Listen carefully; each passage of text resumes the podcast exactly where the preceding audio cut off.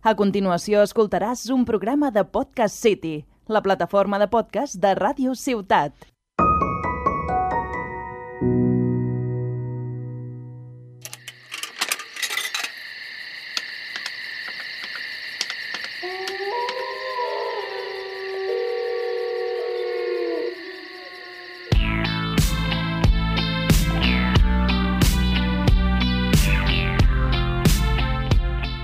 Bon dia, bona tarda, bona nit. Després de dues setmanes de recés ja tornem a estar aquí.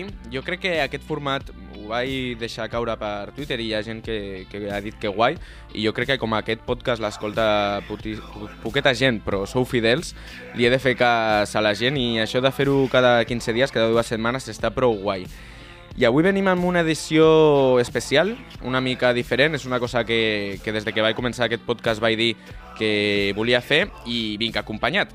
Vinc acompanyat en primer lloc pel senyor i xaman podcaster Arnau Curto, que amb els seus dos ous morenos, quan li he dit que si volia venir al meu podcast, m'ha dit sí, però em connecto des de casa. Com estàs, sí. Arnau? Bé, aquí, en el meu dimecres, que, bueno, eh, ho estem gravant en dimecres, és el meu segon dia lliure de la setmana, i estic sacrificant aquesta tarda per poder estar aquí amb tu, Álvaro. O sigui que, bueno, contentíssim d'estar aquí amb tu. Ara, bueno, en sèrio, molt, molt content, molt content. L'important, estàs amb una cervesa, que em vas dir també que estaries amb una ah, cervesa? Uh, no, al final no, estic amb una Coca-Cola 00 del Mercadona. Bueno, sí, perquè, si, algun, si perquè... algun dia fem això presencial, ho farem amb birra, ¿vale? No, evidentment, evidentment. Estem a dia 10. Eh, jo, saps que sempre dic allò de que no diguem coses temporals perquè un podcast és temporal? Doncs jo, pues, jo ho dic perquè és sí. el que hi ha, no? vale. Pues estem a dia 10 ja i, hosti, eh? Comença la, la, la costa de novembre, eh? ja, el dia 10 ja, eh? I després no, no estic només amb l'Arnau, que anava a ser en principi així. A la meva dreta tinc el Iago, que és un podcaster que ha començat aquí a Radio Ciutat ara també, però és la segona temporada de que no Panda el Cúnico, i m'ha dit, eh, meu, perquè és gallego, aquesta és la puntualitat, meu, ¿te parece si vengo a ver cómo haces el podcast? No sé qué, yo, bueno. Ah, sí, con ese acento. Sí, con ese acento, el mismo. Has imitado perfecto, tío. Pues sí, I le he dit, sí, bueno, ven a mirarme y si vols, pues entras aquí y si vols parlas, tens un micro. Ojo, mi padre trabaja en el mundo audiovisual, o sea que Ojo. tenemos aquí un invitado de autoridad. Ojo, esto es un dato que no tenía. Este sorpresita, ¿eh? Trabaja tu padre? Es productor, productor en la televisión de Galicia. Hostia, buena mierda la televisión de Ah, Galicia. amigo, amigo. O sea, yo he visto cosas que están bastante guapas. Yo no, pero me alegro, tío. o sea que ya me las enseñarás. Bueno, pues con, con la estirpe de un productor audiovisual gallego y con un chamán podcaster vamos a empezar este podcast y animan las noticias.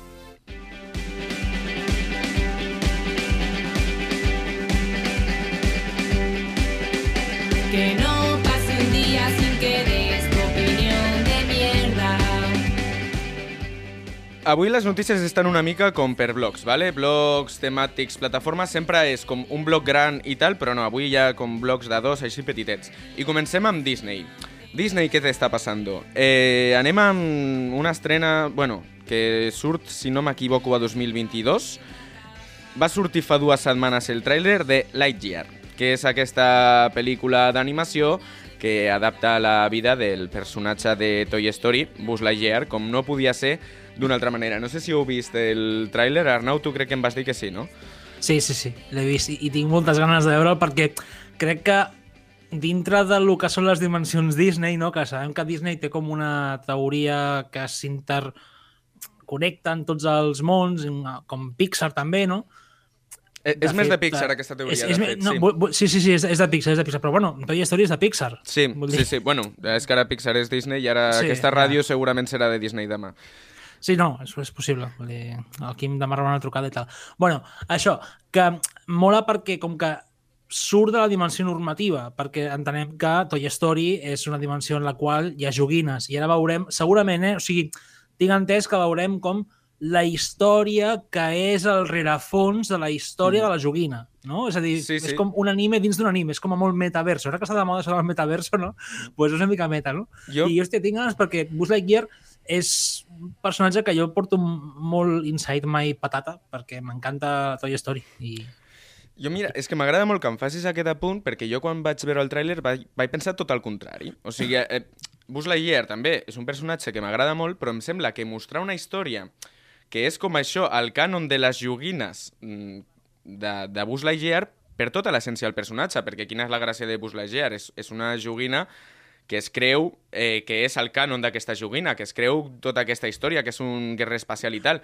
Tu l'elimines mm, això d'aquest joc que hi ha, que és una mica fins i tot paròdic de les Space Opera, i et queda una Space Opera avorrideta, per mi.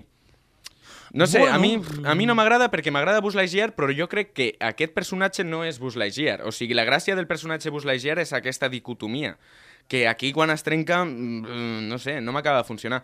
I després, Sí, o sigui, és, és, és Buzz Lightyear. O sigui, disculpa, ja, però és que jo, jo crec que és, el, l'ull- l'oient no, l'espectador ha de fer una doble feina, no? Però és una doble feina que s'entén si la fas. Vull dir, no és la joguina de Buzz Lightyear i per tant aquesta dicotomia no la té i estàs com explorant el per què del concepte Buzz Lightyear. O sigui, és com s'inventen una nova història per donar-li una vida a la vida principal de Buzz Lightyear. És una mica raro, ¿vale? Sí, sí, és molt raro, jo, sí, jo, és- jo tinc ganes de, de, de, de veure com es farà, què es farà, i evidentment, si també surt el Zurg o surten aquestes... clar, tots aquests cosetes, elements... no? Sí, que a més eren com molt, molt rotllo dels 90 i la, la pel·li no té aquesta estètica, no? De, té una estètica molt Guardianes de la Galàxia. Jo sé, jo l'he Sí. vist tal qual així. Sí, sí. Mm, no sé, a veure què tal. Una cosa que sí que no em vull deixar de, de dir, que és que el Lightyear aquest d'animació té la cara de Antonio Policía Nacional, eh, políticamente incorrecto, o sigui... Eh, eh, heu vist que si li poseu una perruca és la nedadora aquella Mireia Belmonte? Mira, hòstia, pues això no m'he fixat. Clar, és que amb tot aquest menton tan exagerat que té, l'intenten fer realista, no Sí, sé. sí. És raro. Jo, mira, aquest entusiasme que tens tu per la pel·li, jo no l'he trobat. He dit, "Pff, mm, quin avorriment. Eh, també he dit, no sóc el target, entenc que és una pel·li... També he dit, quin és el target? Perquè, clar, Hi ha, hi ha dos targets. Jo crec que hi ha dos targets. a veure, A veure, nostàlgics de tota la vida, Sí. de que són uns grans fans de Pixar i veuen tot el de Pixar, aquí jo crec que m'introdueixo jo, perquè sempre Sí. he sigut un, un gran fan de Pixar i de les pel·lícules d'animació, um, i després crec que no serà un... no buscaran tant el públic infantil, entrant infantil com nens de i nenes de 3-4 anys. Mm, vale? Jo crec que aniran més a un públic eh, infantil potser més juvenil, adult, diu. potser sí. més adult, o sigui, el to serà com sempre molt, molt, molt per tots els públics, no? TP, vale? tots els públics, però el target estic convençut que seran...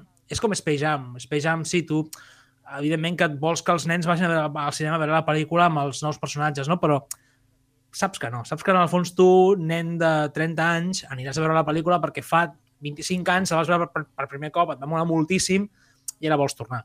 Jo crec que és, ara, mateix estem en una tendència en el món del cinema que és aquesta. Jo crec que el, el, el target és aquest i hi ha un tercer, que és buscar aquestes persones que van veure Toy Story de petits i ara ja són pares i aniran a veure-la amb els seus fills, Bueno. perquè d'aquestes hi haurà... eh, Toy Story és dels 90, early 90... Bueno, no, del 2000 potser, no?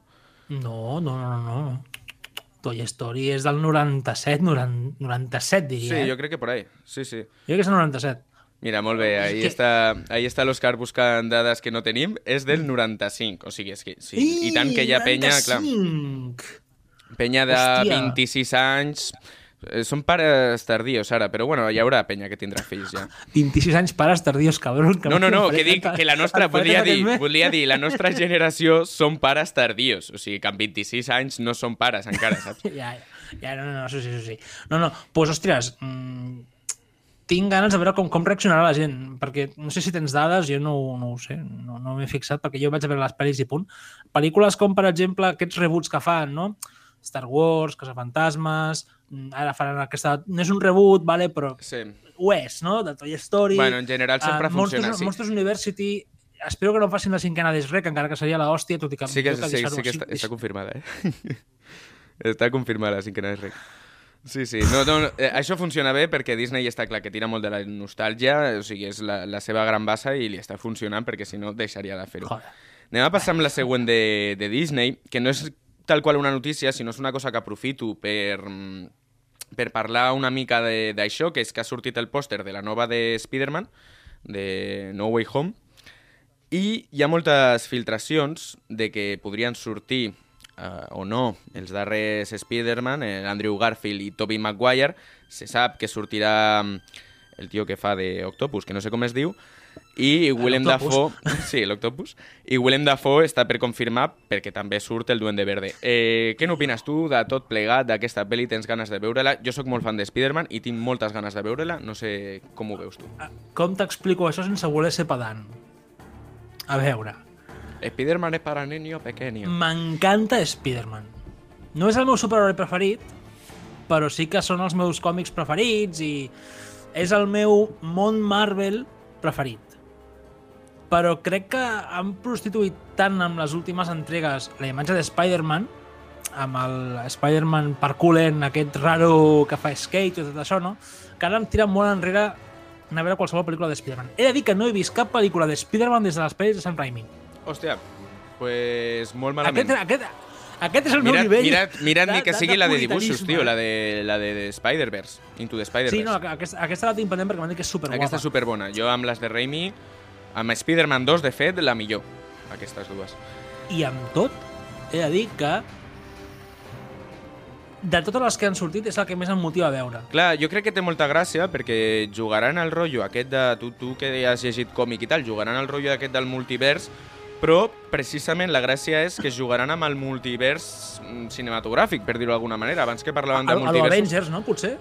Bueno, sí, el d'Avengers, però també el de Spider-Man. O sigui, és com si hi hagués un univers de Spider-Man a les pel·lis, un univers canònic, Sí. i aquí l'estan fusionant. Igual que hi ha diferents dibuixants que hauran tractat amb Spider-Man, hi ha diferents directors que han tractat amb Spider-Man, i diferents actors també, que ara veurem aquí retrobats, i a mi em fa una mica de gràcia aquest rotllo de... mm, que sigui un univers propi de les pel·lícules de Spider-Man que va més enllà de l'univers de Spider-Man com a tal. Vols que et digui un, un apunt molt friqui de, de Spider-Man? No és que sigui molt friqui, però és molt curiós. Endavant. Ah, no sé si ho sabíeu, no sé si ha sortit en qualsevol de les pel·lícules de Spider-Man, però bueno, jo ho comento. Ah, els primers còmics de Spider-Man, ah, es, el Peter Parker, com que era un pringat que li pica una aranya i té superpoders i tal, vol unir-se als, als Quatre Fantàstics. Vale, sí, alemany. eh, aqu- aquesta era com de, de les primeres històries, no? Sí, és, crec que és la primera història de, de Spider-Man, i clar, Vale. sale mal, i és on veus el Peter Parker o l'Spider-Man més canallita, més en plan, joder, tio, sóc jove, sóc un adolescent i vull ser guai, no? Bueno, eh, i, i, després, i després crítiques el Spider-Man d'Andrew Garfield, que va en skate, eh? Aquí, te, aquí però no, te, però no, no, és, no, no, és el mateix, no és el mateix rotllo, perquè ell és un passota, però segueix sent un puto pringat. Ja. I sempre serà un fucking pringat. El que és sempre molt comú a Spider-Man és que és un fotògraf i és un científic de la part, tot això. Però, per exemple, hi ha altres Spider-Mans dels còmics que són com a més científics. El, el més científic, el més canònic, és el del el de Spider-Man 1. El de, ah, com es diu? El... L'actor. Amazing Spider-Man. Ah, el Tobey Maguire. Tobey Maguire. Aquest, aquest Spider-Man seria per mi el més canònic. Per això va triomfar tant, eh, aquella, aquella Pues, saga de, de Sam Raimi. El, el Tom Holland és molt... és bastant científic en... Sí, no, no, no. El Tom Holland, el que, el que li he vist, a més a més, físicament, és molt, molt, molt Peter Parker. Sí, això, Sí, és, això- físicament és el que està, està- millor. És que eh, Tobey Maguire eh, semblava una mica bastant gran, eh? és raro. Quan- sí. No, no, no acabes d'encaixar-lo físicament, però ho fa molt bé, el, de Peter Parker. Va deixar-li un espaiet al, al Iago aquí. Iago, Xema, sí, si sí, vols favor. comentar el que sigui sobre Spider-Man, sobre Buzz Lightyear, jo com no et veig moure massa, estàs aquí d'observador. Bueno, yo tengo dos comentarios. Estaba aquí esperando a mi momento porque soy educado. Soy gallego, pero soy educado, ¿vale? Que no, no va reñido. Primero lo de, lo de Toy Story, tío. eh, a mí me encantaba la película de Toy Story. Se- a- me flipaba. Pero hay una cosa que me perturba siempre, que es cuando los muñecos se quedaban muertos en el suelo. Pero claro, cuando venía un humano tenían que quedarse quietos en el suelo, porque si no era game over, ¿sabes? El Sí, niño claro. trauma de por vida, ¿sabes? Pero tú imagínate... un derrame cerebral. Claro, claro, de repente era wow, ¿sabes? Pero tú imagínate que un muñeco muera de verdad. Porque en la peli, claro, Toy Story, Disney, eso no va a suceder, nadie muere, por supuesto. Pero tú imagínate que sí que muriese algo con juguete. Y luego viene el niño y está jugando con muñecos muertos. Y tú los imagínate al Woody Ya. diciendo, joder, que está jugando con ese muñeco Y además, está muerto. creo que en alguna peli, no sé si es en la 4, dan a entender como que, que los juguetes pueden morir, porque pasa con este que es como... sí, bueno, este quiere como morirse. el- Es, el- sí, sí, de trenquen, fet. sí. Es sí, trenquen. sí. Llavors, a, a la tercera, no. A Toy Story 2, que és la pel·lícula del de que es El trenca o que, volen, o que volen vendre el, Sí. el Woody i, i l'han de cosir. El, és la 2 o la 3? Aquesta és la 2. La 2, la 2, la 2, la 2. I l'han de cosir, no? I, clar, els ninos es trenquen. Hi ha una frase que és los juguetes no duran para siempre. Que també et dona aquest punt de... Bueno, Pequeño spoiler, Sí, ya. Es un, un- spin-off creepy, se- se un- un, spin-off creepy estaría guapo, ¿no? De, Sí, de sí, eso que lo de- de que murieran. de que- Cementerio de juguetes. Claro, cre- tío, ¿sabes? creepypasta, ¿eh? Un creepypasta de Toy Story. Tienes collons de hacerlo. Eso sería muy gracioso, de verdad. La imagen de ver a un niño jugando con muñecos muertos y los otros muñecos diciendo, joder, está muerto, tío, parad de esta tortura. A mí es que me mata, ¿sabes? Sería muy creepy, ¿sabes? Muy chungo. Ves ahí, a- al T-Rex ahí, parad, parad. Claro, es que no podrían decir nada muerto. tampoco, ¿no? No, no, no podrían No decir podría. que, claro, no, no puedan fer res davant... de- Es me que imagino al generamos muñeco, problemas. Me imagino al muñeco en plan sonriendo, porque siempre están sonriendo. Cuando están quietos en el suelo, están en plan súper felices. Me imagino con una lágrima cayéndole, en plan, mierda. ¿Sabes? Es que sería muy, muy, muy chungo, ¿eh? Y sobre Spider-Man, solo un detalle, que es que igual no lo sabéis, pero es muy curioso. La escena de Spider-Man 1 en la que en la que va Parker, está en la cafetería con... No me acuerdo ni de la chica del nombre, pero bueno. Eh, Mary Jane. Mary Sí, Jane, Mary ah, Jane, Mary Mary Jane, Jane. sí. Vale, perfecto. Es que Mary Jane Galicia es otra cosa. Y Entonces- aquí, y aquí. entonces, nada, eh, estaban en la cafetería los dos y, y cuando, ve, cuando se le cae la bandeja, ¿no? A esta, creo que se Sí, le cae la bandeja sí. y aparece el, el tío y le recoge todo. Sí. Esa, es- esa, escena, esa escena no está trucada, es real. No. El Eh, tío, sí. el tío realmente, no sé cuántas escenas fueron o intentos, pero el tío hasta que no le cayó todo en el sitio no pararon de Sí, grabar. correcte. Bueno, és que Sam Raimi és, bueno, és un friki dels, del, dels efectes pràctics, és el tio que ha fet Possessió Infernal i sempre que pugui farà efectes pràctics i tal, que això ja no ho recuperarem mai. Que, per cert, Sam Raimi està en la nova, la, no sé quan surt, la segona de Doctor Strange, que és el, el mismo director, l'ha vuelto a fichar Marvel ahora. Ah, joder. Sí.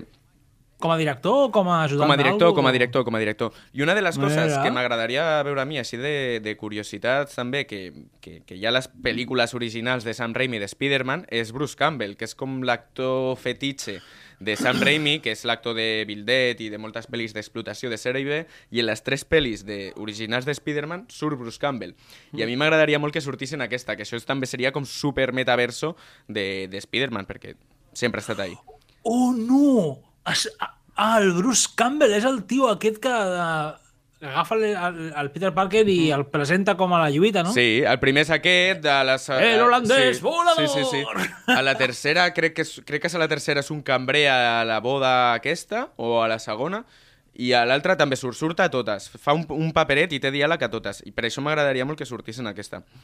Si us sembla, anem amb, amb l'altre bloc, que li he dit Netflix adapta. Netflix sempre està adaptant, i Netflix adapta. I no sempre bé. I no sempre bé. I anem amb una que a mi em sembla que no està massa bé, perquè està confirmadíssima ja la segona temporada de The Witcher, que surt el 17 de desembre. Aquesta categoria la vull mm, fer servir per parlar una mica d'adaptacions així en general. No sé si he vi heu vist The Witcher. A mi, amb The Witcher, m'ha passat el mateix amb la sèrie que amb el videojoc. Me l'he començat i no, no l'he trobat, no l'he sapigut acabar i, i no, crec que no m'interessa aquest rotllo. No sé tu, Arnau, si l'has vist o si has jugat al joc. Estic en el mateix punt que tu i, a banda, per posar-vos en context, eh, sabeu que sóc una persona que quan hi ha una cosa que no li agrada, pues, és bastant contundent amb ella. The Witcher 3, el joc de The Witcher 3, és, per mi, el joc més sobrevalorat de l'última època. Podem parlar durant moltes hores d'això, sé que no és l'espai, però un dia, si voleu, en parlem. Jo, vale? mira, és que Ja com està. no l'he jugat perquè és que em fa mandra. O sigui, és un joc que jo l'has- veig que és l'has- tan l'has gran... començat, no? L'has Sí, començat, sí. no? I has començat a veure que hi havia molts elements, oi? Sí. I t'has ratllat, perquè hi havia molts elements, moltes secundàries, molts objectes... No, és que és això, em va fer pal. Vale. Jo vaig dir, jo no puc, jo no puc, no tinc temps si, per si tu dedicar-li a vas, aquest joc. si tu vas a Pinyon a fer les missions, les missions principals, és un joc correcte. És un joc de 30-40 hores. Correcte. Si vols fer tot el joc, crec que eren unes 200 hores. Joder. És un joc massa gran, a bruma, um, no el pots acabar del tot a no ser que et flipi moltíssim. I no he vist la sèrie perquè tampoc he volgut... Um, o sigui, sabeu que The Witcher ve d'una Sí. sèrie de llibres polonesos. Sí, sí. Llavors, jo, abans de veure o de gaudir de la sèrie, m'agradaria poder-me llegir com a mínim un llibre per poder veure com és la sèrie. Vaig començar un llibre. Oh, Ja, és que no sé, per Vale, mi és, és- és un rotllo de fantasía que com jo crec que hem vist tantes coses de fantasía tú, Yago, has, conoces de Witcher, videojuegos, serie... Sí, yo conozco The Witcher porque una compañera mía de piso allí en Galicia está obsesionada con esa serie. Ya. Y yo no sé si sabe que ha salido la segunda, pero como lo, como lo sepa, puede estar viéndola ahora mismo, pero acá, fundiéndose. Bueno, eh, sale, eh, surta el 17 de desembre, que no sé si ho he dit, aún queda un, un poquito en diciembre. Ah, vale, vale, vale. Eh, Bueno, estar que- així. Sí, jo, jo, és, jo és que, no sé, aquesta sèrie eh, era el Henry Cavill, jo crec que és això, és aquest tipus de fantasia com molt antic, que ja hem vist tantes coses noves de fantasia i estem acostumats a coses que sorprenguin una mica més, que això és com més clàssic i, i, i no m'agrada molt. I a més és Henry Cavill, que a mi és un tio que em cau bé, però com a actor no em sembla superbé, fent així. Hmm. Bueno, jo crec que és un producte pensat perquè la gent el consumeixi agafant el rebufo del videojoc i agafant també el rebufo d'un actor com Henry Cavill, que el paio té un caché, té Sí, un porte, no, no, i i que el tio, dintre de l'univers aquest de um, superherois i tot això i coses fantàstiques, és un tio que pues, té una, una tirada. No vull criticar la sèrie perquè no l'he vist. I, I per això, saps? Però sé que és un tipus de sèrie i es nota que està pensada perquè hi hagi un consum, rotllo, venga, agafant el tirón de, del videojoc, que ho entenc, és normal. Sí, pero también he visto, no, no, no sé si tu compañera eh, conocía el videojuego o así, porque yo he conocido a gente que se ha visto la serie sin conocer el videojuego de nada y le ha gustado bastante. Es que yo ahí es donde quiero llegar. Yo creo que te va a gustar más esa serie si no conoces el videojuego. Yo creo que hacer una serie a partir de un videojuego Claro, va a pero no- perder. claro, es que no es una serie a partir de un videojuego. Aquí esto hoy es multiverso. Ya tenemos el, ya tenemos el, el título del podcast, multiverso de los Sí. podcasts. Es, sigui, es son unos libros, son unos libros que sí. traducen por una parte en videojuego, en una trilogía de videojuegos, y luego de los libros se supone también sale la adaptación de la serie. O sea, son como una doble Son adaptación. Claro, claro, claro. No, pero al final el libro eh, lo, van a leer, cuatro gatos. Eso ya, entonces ya vamos a descartar el libro. Yo creo que la gente lo va a conocer por la serie en sí o por el videojuego, que es la gran mayoría. Y yo creo que es falla. No es lo mismo hacer una serie a partir de un videojuego que al revés. O sea, yo creo que vas a perder, porque te vas a, te vas a ver una decepción. Por ejemplo, Guardianes de la Galaxia. Guardianes de la Galaxia acaba de sacar un videojuego, tío. Y eso sí que es wow, un subidón, porque la película es brutal. Y dices, ¡buah! ¡Qué pasada poder controlar yo los personajes en esa fantasía! Te mueres de ganas. Pero al revés, tienes unas expectativas de, oh, a ver cómo hacen toda esa jugabilidad que tuve, cómo la convierten y la transforman en una serie, a ver si de verdad es bueno. Entonces, una cosa te entusiasma y la otra se somete a una No, sí que, ¿sabes? i, I sí que és veritat, hi ha bons videojocs de, basats en pel·lícules i no hi ha bones pel·lícules basades en videojocs. Mm. S'ho vam parlar en el primer podcast, crec. Mm. Jo vaig dir que salvava eh, jo vaig dir que salvava Silent Hill i Pokémon, la de Detective Pikachu. Hombre, Pokémon siempre, a favor. No, però A veure, això és cert, eh? Uh, i, i, I em toca la pera. I especialment et diré que els videojocs basats en pel·lícules, especialment de Disney, dels 90, a principis del 2000 de la hòstia, ja Play ves. 1, Mm. Són Hércules, jocs Aladdin... espectaculars.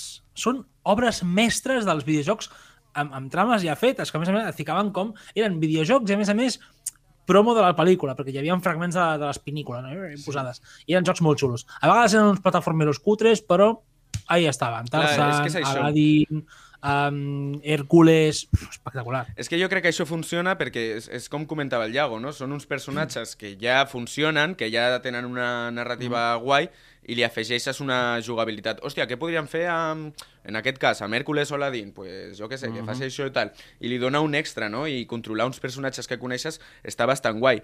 Però al revés, transformar el que a tu et transmet la jugabilitat a només audiovisual és molt complicat. I, i a més a més que el personatge de Geralt de Rivia és molt complex, vull dir, per lo que he llegit, que no és molt, i per lo que he vist al videojoc, que és una miqueta més, és un personatge extremadament complex. Mm, Ja. És un paio que té, crec que té un munt d'anys, és un brujo d'aquests Sí. raros, que amb dues espases i, i és un mercenari, per si dir-ho, o un paio que fa encargos. I és un tio complexillo. A mi em sorprèn molt que encara avui... Eh, o sigui, no, no em sorprèn perquè capitalisme i pasta, ok, és, és muy bien, que tendim a fer productes de coses ja existents, transformant-les en, en formats en els que potser no funcionen tan bé, perquè potser en un videojoc queda superbé, un llibre, però potser aquest mateix llibre el passes a una narrativa audiovisual de, de pel·lícula i no queda tan bé. En el cas de Joc de Trons, ha, ha quedat demostradíssim Sí, que funciona molt bé. O sigui, funciona molt bé passar a Joc de Trons d'una cosa a una altra. Això sí, amb molta pasta. Però si poses un videojoc de Joc de Trons, potser la narrativa no està tan bé. Vull dir, tot, tot té el, el, el seu punt, és anar provant. Però hi ha molta pasta pel mig, també, i hi ha molts beneficis, evidentment. Ja, ja. Tinguis beneficis, eh? Si tu fots aquí un joc de qualsevol Parlant- cosa que tingui una cosa d'èxit, Continuem amb les adaptacions i així no, no perdem el fil perquè l'altre que, que volia portar és que aquesta sèrie que bueno, ja està anunciada de fa temps de, que farà Netflix, un live action de Cowboy Bebop, tira'm el temazo ara sí, perquè és que, o sigui, dic, vinc a parlar de Cowboy Bebop només per això. Em, Cowboy Bebop ha sortit la notícia de que sembla que tindrà un to, humor i ruptura de la quarta paret similar a les pel·lícules de Deadpool, les que ha fet Sony i Marvel i així. I he dit, hòstia, és interessant, em sembla una bona forma d'adaptar-ho, perquè a més jo crec que la narrativa japonesa pot ser molt diferent, tot i que Cowboy Bebop se'n va molt de la narrativa japonesa, perquè no deixa de ser molt pulp, molt exploitation i, i veure l'hora de, de tota aquesta narrativa més de sèrie B americana. No sé si aquest rotllito creus tu, Arnau, que, que li podria anar bé. Jo crec que a tu sí que t'agrada bastant l'anime, no? Sí, bueno, a veure, més que bastant, mm, de petit m'agradava molt Cowboy Bebop. És una sèrie que, tot i que no la recordo molt bé, recordo que m'agradava moltíssim. I aquesta cançó que estem escoltant, Tank, és increïble. Mm, Tant l'opening com l'ending, que és Real Folk Blues, que també està molt guai. A mi m'agradava perquè crec que re- recordo que era, com tu dius, eh, molt, molt pulp, molt així fresqueta, molt sèrie B, i no que hi ha els tòpics japonesos de, "Oh, tsudo, to, to, to, to", de, l'honor, d'aquestes coses tan estereotips no? que, que veiem i en flipar-se en excés. Que ho fan, però justificadament, no? No és com la sèrie, la sèrie aquesta de Netflix també, que ve d'un manga que, com es diu... Ah, Alice in Borderland, Sí, que hi ha no coses vist. que dius... I és coreana, dius, crec. Mm, segur? La sèrie és coreana. El, uh, El, el, el, el Iago està a punt de dir-te que no, que és japonesa i que s'ha. No, no, no. eh, son asiáticos, hasta ahí llego. no quería meterme. No quería tampoco jugármela porque... Mira, una dosis de racismo en este podcast. Vamos a ver, aquí, aquí la vidilla la traigo yo. no, pero el rollo es que eh, esa serie te iba a comentar, la vi hace poco, porque todos vimos el juego del calamar. Y todos, como burros, o sea, como rebaño, fuimos de cabeza a Alice in Borderland, porque todo el mundo nos ha dicho: si es que ha gustado el juego del calamar, Alice in Borderland, Sí, sí. es hacer la leche. Miento. O sea, no, o sea, esto mal. O sea, confirmo que no es así. Vale, esto está mal. No vayáis a ver Alice in Borderland. A mí no me ha gustado. Y lo siento, ahora todos los críticos, Buah, pero si es una seriaza, no sé qué, pues me da igual. Yo aquí te digo, no mola. El primer episodio, tío, sosísimo, tío. O sea, una falta de guion. Sí.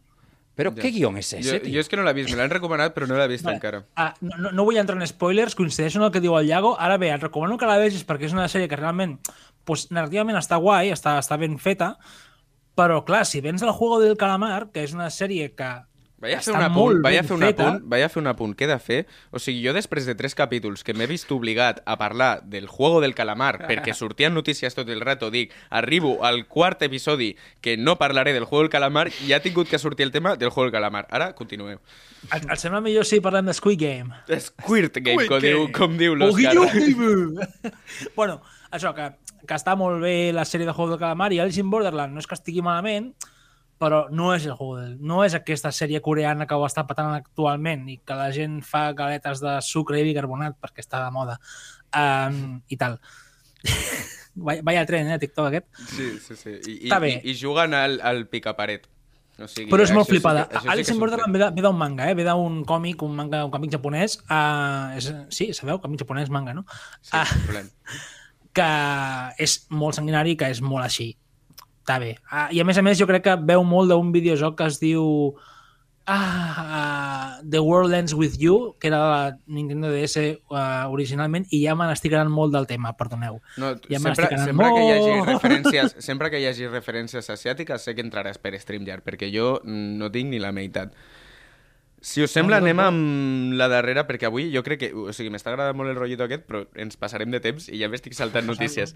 Eh, avui anem amb, amb una notícia. M'agradaria inaugurar una secció, no sé si trobaré notícies que siguin d'això, i és la notícia That Funny Feeling, que té sintonia pròpia. There it is again, that funny feeling.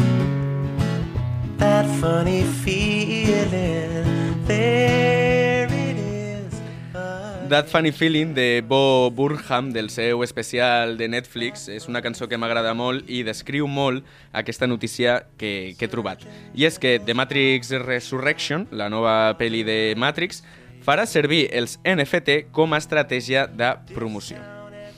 No sé, eh, jo no tinc ni puta idea d'NFTs, és una cosa de la que no vull aprendre. Arnau, tu crec que controles una miqueta més? No. jo controlo de, de, del concepte de criptomoneda, però perquè uns col·legues s'han posat i tal, i jo estic ahí mirant i tal, i eh, a, ver cómo va així, a ver cómo va que els NFT crec que són alguna cosa similar, l'únic que amb imatges, amb, amb, amb, amb contingut multimèdia, si no m'equivoco. Sí. Uh, un dia us explicaré com és que jo tinc un NFT amb la meva veu que em van fer des de Forocotxes, però això ja és una llarga història. Això és, això és un podcast sol, saps? O sigui, això és un de, de, de sol, diversos capítols. Ja, ja, ja és un altre tema, si vols demà t'ho explico la feina. Um, però bàsicament això. I parlant d'aquest tema NFT, ara que acabes de dir això, m'acaba de venir cap una, una cosa que s'ha ficat molt de moda ara també. Uh, videojocs que fan servir les criptomonedes Sí, i com a els forma de NFTs. pagament. No, Llavors- i, i, i, i videojocs que pots adquirir NFTs dins del propi videojoc, això està molt de moda Exactament, també. exactament. O sigui, jo, eh, lo dels NFTs està sent una revolució que flipes, jo sí que Mhm. entenc una mica, més o menys com, com ho entens tu. Eh, no sé si tú eres un poquito cripto chaval o... Que va, mira, yo soy un viejuno del pero de la hostia, tío. O sea, Cripto chaval, eh? Cripto chaval, cripto chaval. Me encanta el término, anótatelo, pero para mí ya te digo que no. O sea, yo, yo voy siempre con, con efectivo. No, debajo, pero- de, debajo del colchón, ¿no? Debajo del colchón, si yo en plan abuelo. Ermitaño. Yo te juro que lo de la no en los criptomoneda bancos. lo tengo, estoy perdidísimo. Y mira que amigos me han dicho, hazte lo de las Bitcoin, que no sé qué, que esto en unos años vale una pasta. Y yo, una pereza, me da todo eso. Y de hecho, eh, no tenía ni idea de lo que era NFT. ¿no? Yo, yo no sé, es que mm, me quedé en blanco, tío. Entonces lo acabo de buscar en Google. No sé si aquí defendéis la ignorancia o podemos buscar Sí, se información. puede buscar. Se puede buscar, ¿no?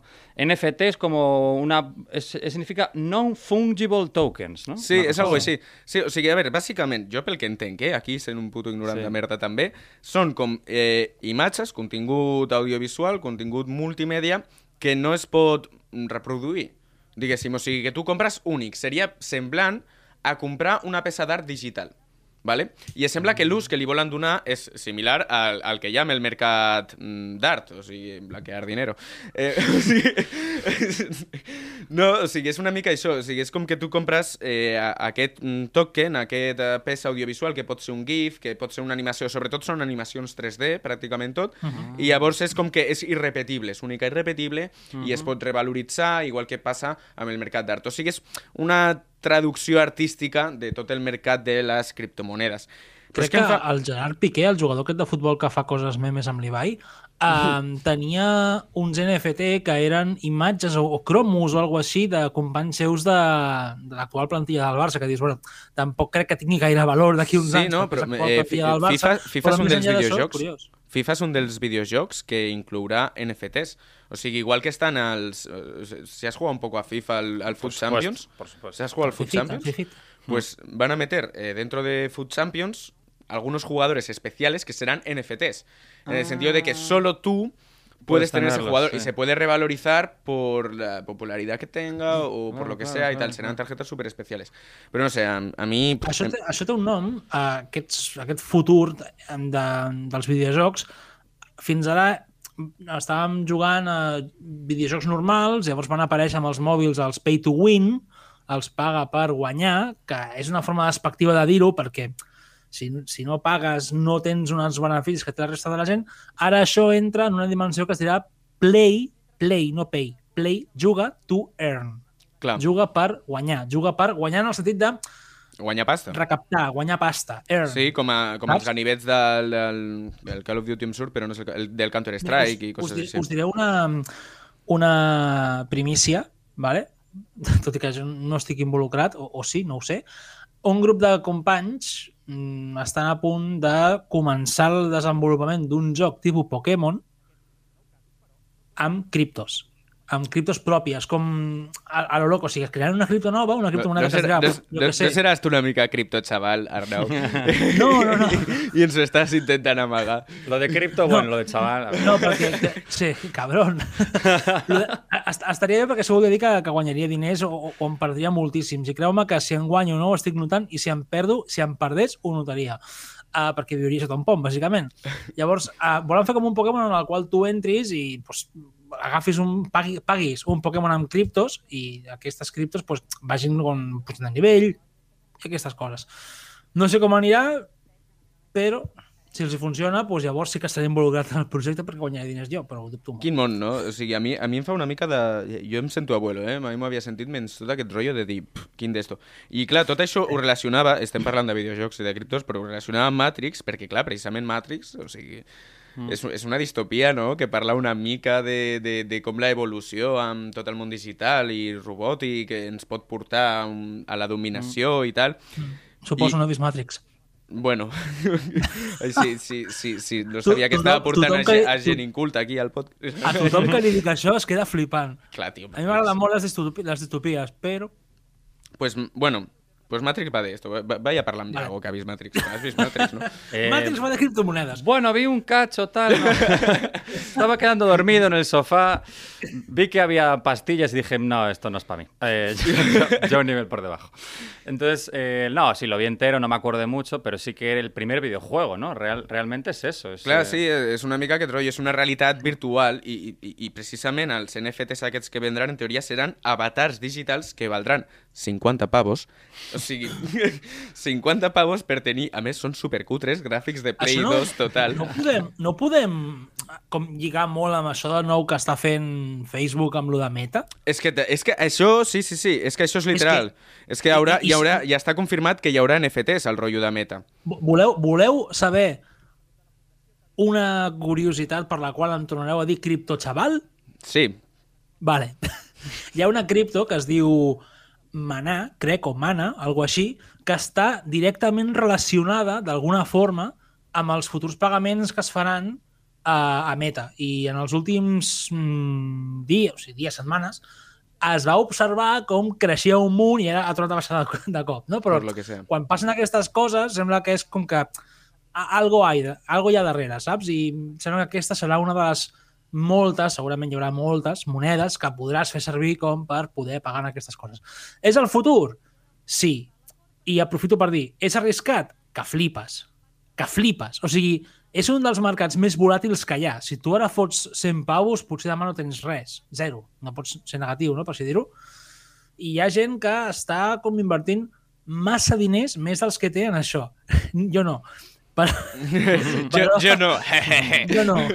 No sóc un, xic, Però no sóc un cripto, que- xaval, creieu-me. És, és, és, és, com, coi, és com el tema de, de les apostes. Al final són apostes. Ara mateix, quan no tens ni idea, estàs apostant a veure el que passa i pots perdre la pasta. Per tant, és una recomanació personal que faig. Si no esteu segurs del que esteu fent, no invertiu en criptos. No sigueu uns criptoxavals ara perquè podeu acabar sent uns cripto homeless i no moure.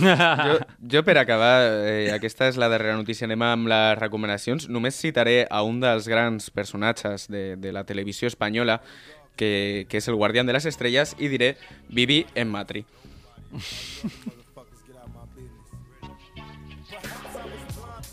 Anem amb una rondeta de recomanacions. Avui que estem tres, recomanarem una cosa a cadascú. Arnau ja m'ha dit que ell no mira sèries o que no mira pel·lis i recomanarà música, però bueno, jo li respecto totes les seves decisions.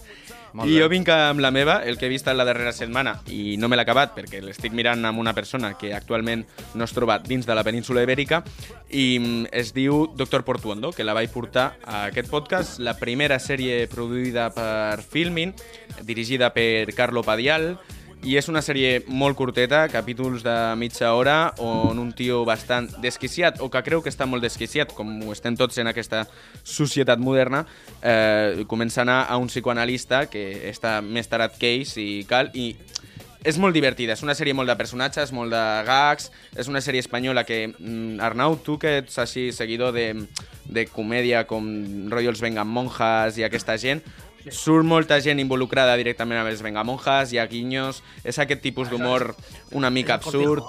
Eh? És el cortijo d'aquesta gent. Sí, el cortijo, el cortijo. però és un cortijo que jo respecto moltíssim. El cortijo del posthumor, jo el, el, Sí. el banco, A el més- banco a muerte. A més, una cosa que em fa molta gràcia de la sèrie que té com referències catalanes molt divertides, saps? En plan, és un... referències molt tontes del palo eh, aquest tio és de Cerdanyola, saps? O sigui, coses com molt tontes que a mi em fan molta gràcia Sí, perquè dius, ah, Cerdanyola, sé què és. I, i ja està. aquesta, aquesta és la meva del Vallès, sé recomanació. el que és. Eh, no sé, Iago, si nos quieres recomendar alguna serie, alguna peli, lo que Sí, sea. mira, una serie que yo creo que no la conoce nadie, buenísima, que la vi el otro día y me flipó. No, tío, La Casa de Papel, que no sé si te suena. Hostia, esta, han dicho que es buena. Lo está petando, tío. ¿eh? No sé por qué, qué tiene, pero... Lo, lo te va a petar. Pero míratela ahora antes de que lo conozca todo el mundo, porque luego ya verás, la van a meter en Netflix y todo, ya verás, va a ser un Cristo eso, tío, ya verás. Eh, ah, eh, sé que és la, la broma de gallego que haces ara de fer recomendar la sèrie, però abans d'això només vull fer l'apunt, ja que hem parlat del juego del calamar, que el tio eh, que tenia un, una empresa que fabricava monos vermells, ara mateix, eh, o sigui, Jeff Bezos temblando, saps? O sigui, les dues sèries més populars dels darrers 5 anys i, i mm, monos vermells a punta pala, que a més són monos de obra, que, Sí, que, sí. que se Me- valdrían 4 duros y Me ahora... imagino a los obreros que ya se están quejando de que falta material para, la- para la construcción. Les imagino en pelotas ya en la calle. o sea, Sin el aluminio y en pelotas, ¿sabes? Que la gente no sabe si es una obra o una obra de teatro. Dicen que esta peña que está en la mierda, ¿sabes? No, pero ahora en serio, ahora recomendación seria. Eh, hay una serie que se llama Paradise PD, que es Paradise Police Department. Hòstia, que l'he es- vist. ¿La ves? Sí. Pues es una serie que está en Netflix, que porque yo soy muy fan de Padre de Familia, o sea, me encanta. Los Simpson para mí están bien, pero es demasiado light. A mí Padre de Familia. Yo soy Tim Simpson, ¿eh? Yo, ¿Sí? sí. Y, y te digo una cosa, Futurama. Futurama también. Futurama. sí. Oh, oh, oh, oh, oh. Futurama, aixequeu-vos tots i digueu Ave César, Futurama Sí, sí, t'estimo, sí. tio. Además, ara quan la van treure a Disney. Plus me la vaig tornar a veure, eh? I és que és, és, que és molt bona. És que és tot. El, el capítol de les anxoves és... Pues Paradise, eh, Paradise PD es como Padre de Familia, son los herederos, yo creo, los más dignos, pero más bestios, o sea, lo llevan un nivel más allá. Por si todavía se podía, pues eh, yo creo que no es muy legal, algunas cosas de verdad hay que revisárselas, pero te, va- te partes la caja, tío. O sea, yo me parto la puta caja cada vez que lo veo. Y no te cansas, o sea, puedes verte la serie entera de un tirón, es maravilloso. ¿Cuántas temporadas hay? Porque creo que me vi la primera y luego no Creo la... que tiene una segunda y no sé si una tercera, pero ¡fuá! Burrada de Sí, serie. es un- eh, me, me recuerda más que a Padre de Familia a Padre Made in USA. Sí, que, Padre esa- Made in USA mm, creo que me gusta un poco más que Padre de Familia, porque creo que hace como lo que no se atreve a hacer Padre de Familia. Tres temporadas de el Oscar, pues sí. Yo creo que Pa- Padre Made in USA iba un poco en ese rollo de super gore, tal, no sé qué. Sí, igual es verdad que Y, va- y sí. Paradise Police va en esa línea. Pues me la recuperaré porque vi la primera temporada y me olvidé de ella. Pues la segunda yo no me acuerdo mucho, pero, pero es buena. Y la tercera, pues me voy ya a verla. O sea, te lo digo, no sabía que la había. De hecho, me voy, chicos. Eh, os dejo. I ara anem a, ja per acabar amb... Bueno, Arnau, vols dir alguna sèrie abans de fer la teva recomanació melòmana, que te la deixo fer igual? Merci. Uh, ara estic veient Lost. Joder, Estic tio. tornant a veure Lost. Per què? I, I no està malament, o sigui, si no saps al final, perquè jo no, sé, no me la vaig acabar, però evidentment ja és Vox Populi, és com lo de... No, no feu spoiler, que estic dient això, però no sé quin és el final, que és com lo de... Al final del sexto sentido, que tots són robots, uh, pues, està molt bé, o sigui, té una trama molt xula, el ritme no és que sigui frenètic, però, joder, va donant els aquests cliffhangers que mola tant, i veig que és una sèrie que està bé revisar-la, eh? O sigui, tornar a revisitar... El, Jo, el, jo si et dic la veritat, no, no he vist Lost, però, però em fa pal mirar-la ara, saps? Perquè jo crec que és una sèrie que m'hagués agradat molt mirar-la quan la mirava tothom. I tothom feia especulacions i tal, que és, això és una cosa que s'ha perdut molt, no? Eh, fer, Sí. fer especulacions què passarà en el següent capítol, ara Netflix te lo mete tot per un embudo, tens al teu col·lega que es veu la, la matinada que surt, la sèrie sencera, i dius, pues es que ja ni la Jo, quiero jo, ver. estic, jo estic amb tu aquí, eh? Mm, Álvaro, estic amb tu 100%. Vull dir, crec que les sèries no s'han de tirar a tope. Jo crec que el, un bon ritme de sèries seria dos capítols per setmana, Sí, o un, saps? És a que- dir... No, no, no, I em per miro dos tu puguis tira'm un veure miro dos, sèries. És que no sé, és... Oh, venga, va, dale, dale, venga. Sí, Parecemos Joder. unos junkies, ¿eh? Aquí negociando cuánto Sí, nos sí, metemos cuántos cada semana, ¿eh? O capítulos sea, No, Sí. però és que, Mira. però és que a, aquesta sèrie coreana cuyo nombre no quiero recordar, jo me la vaig mirar sencera i ràpid perquè estava trufat de spoilers tot. Clar, i dius... si No me- podies donar un pas sense menjar-te un Sí, spoiler, sí. I dius, tardo tres dies en mirar-me-la i, i ja la gent ha deixat de parlar d'aquesta sèrie. Jo, mira, l'última sèrie que vaig viure així i em va agradar molt perquè cada setmana a Twitter hi havia molts comentaris i especulacions és la de Loki, la de Disney+. Mm. Plus. No sé si, No la vi, no si la l'heu vi, vist. però me suena. Clar, jo eh, m'agrada molt Marvel i tal, i, i aquesta anaven traient una cada setmana, i és una sèrie rara que es poden fer teories, què està passant i tal, i no sé què, i em va agradar molt, perquè tu entraves a Twitter i, i veies a la gent comentant el que creien, el que tal, el capítol, i, i tio, jo crec que és algo que s'ha perdut i, i Sí, jo crec especular rollo de debatir, oye, ¿qué piensas que va a pasar? Tal, eso era bonito, sí, porque te creas tus propias fantasías, no sé, estaba guay, te quedabas mucho más pendiente y conectabas más con la serie seguramente, porque si te la fumas así de una tacada, al final ni te acuerdas de la mitad, no la has visto bien, hay cosas que no las has visto bien y no te vas a acordar. Lo bueno que tiene, que lo te la ves otra vez, porque dices, mira, no me enteré de la mitad, me la puedo volver a ver otra vez porque no me enteré de la mitad, ¿sabes? Pero bueno, ahí hay un debate, hay un debate abierto, ¿eh? Arnau, anem a acabar el programa amb la teva recomanació melòmana i així Vinga, també m'agrada que acabem amb, amb musiqueta, que sempre està bé.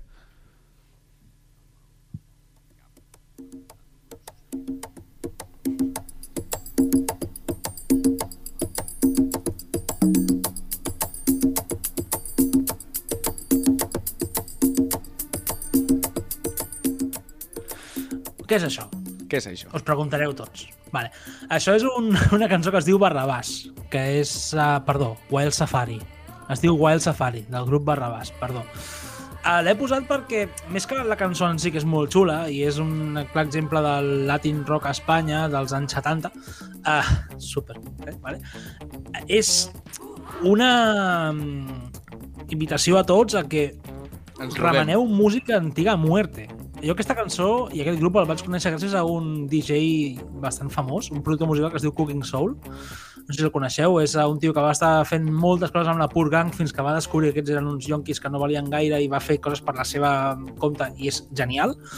I el tio fa mescles al seu canal de YouTube molt xules i les fa en directe, fa els seus samplers allà en directe i va ensenyar com el disc d'aquest grup, que és, que és Barrabàs, i dic, no coneixeu aquest grup? És un grup super pepiníssim dels anys 70 que coneix relativament poca gent i que el seu cantant era eh, un dels líders de Los Brincos, que és un grup de música que es van etiquetar com els Beatles espanyols, no?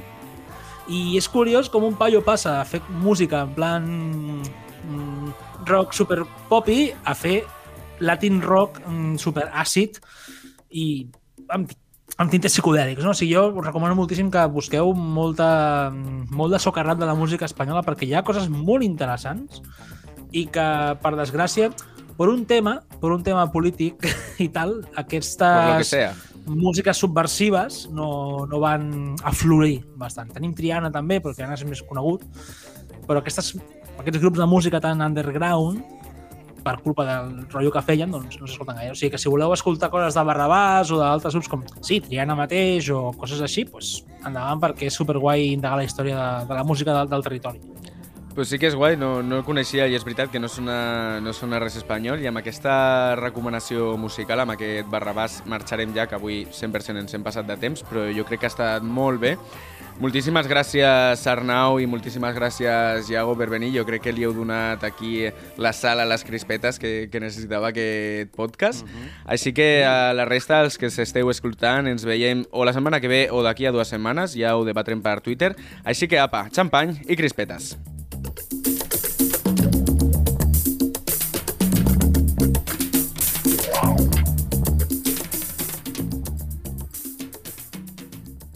Has escoltat un programa de Podcast City, la plataforma de podcast de Ràdio Ciutat.